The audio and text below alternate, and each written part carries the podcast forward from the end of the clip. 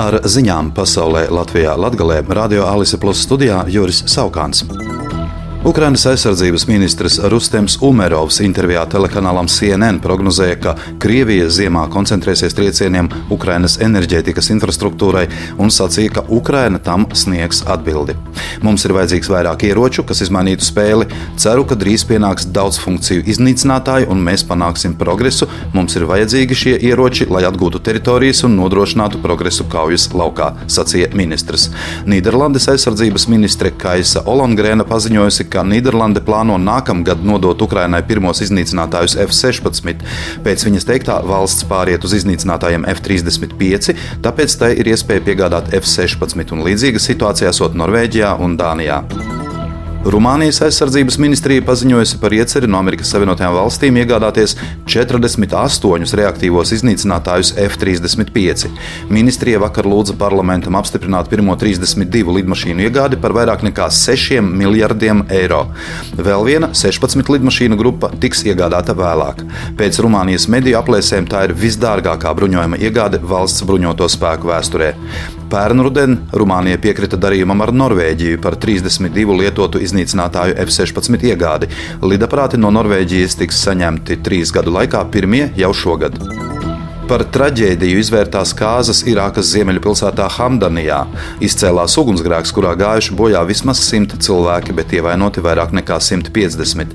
Ugunsgrēks laulību zālē Hamdanijā, pārsvarā kristiešu apdzīvotā pilsētā uz austrumiem no Mosulas, pēc provizoriskas informācijas izcēlās, jo kāzu laikā tika lietota pirotehnika. Degšana savukārt izraisījusi dažu griestu daļu nogāšanos, jo tur bija izmantoti uguns nedroši lēti būvmateriāli. Saimas budžeta un finanšu nodokļu komisija šodien uzdeva Finanšu ministrijai līdz 3. oktobrim sagatavot likumprojektu hipotekāro kredītu ņēmēju aizsardzībai. Jaunajā likumā varētu noteikt 50% atlaidi kredīta pamatsummas un procentu maksājumiem uz noteiktu laika periodu.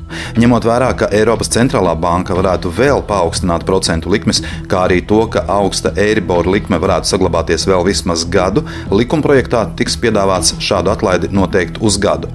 Pēc tam Finanšu ministrija un Latvijas banka izvērtētu, kā šī atlaide darbojas un vai nepieciešams to pagarināt vēl uz gadu. Kredītu sadārdzināšanās skar aptuveni 127 tūkstošus kredītņēmēju, kas pārsvarā ir vecumā no 30 līdz 40 gadiem, tātad darbspējīgā vecuma pilnbriedā, un nereti šie kredītņēmēji ir spiesti krasi samazināt tēriņus citām vajadzībām, lai tikai samaksātu kārtējo maksājumu par mitekli. Rīt, pulkstenis 6. vakarā Daugopilī vienības nama koncerta zālē 12. mūzikas un mākslas festivāla Daugopils Restart 2023 ietvaros orķestris Daugopils Sinfonietta aicina uz 16. dzimšanas dienas koncertu mūzika B stilā. Skanēs mūzika, kuru ir sacerējuši komponisti, kur uzvārdi sākas ar burtu B - Bachs, Beethovens, Brāms, Britens, Bārbers, Beatli un Broks. No baroka līdz beatliem tāds ir koncerta moto - diriģents Aivars Broks. Nākamajā nedēļā, 4. oktobrī, sāksies Daugopils atklātais čempionāts basketbolā, kas turpināsies līdz pat decembrim. Visas spēles notiks Daugopils kultūras pilsētas sporta zālē. Čempionātā piedalās sešas komandas - Augstdaugavas veči, Kalupe, Pilskalni, Kadaki, Daugopils Krāslava U17 un Daugopils Krāslava U19. Pirmajā turnīra dienā, 4. oktobrī, 2007. vakarā Augstdaugavas veči spēlēs pret Kadakiem, bet pusdeviņos vakarā Kalupe stāsies pret Pilskalni.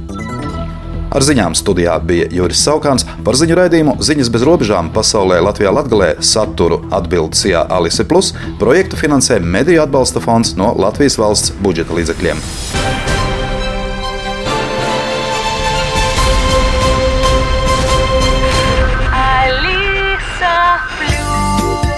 Radio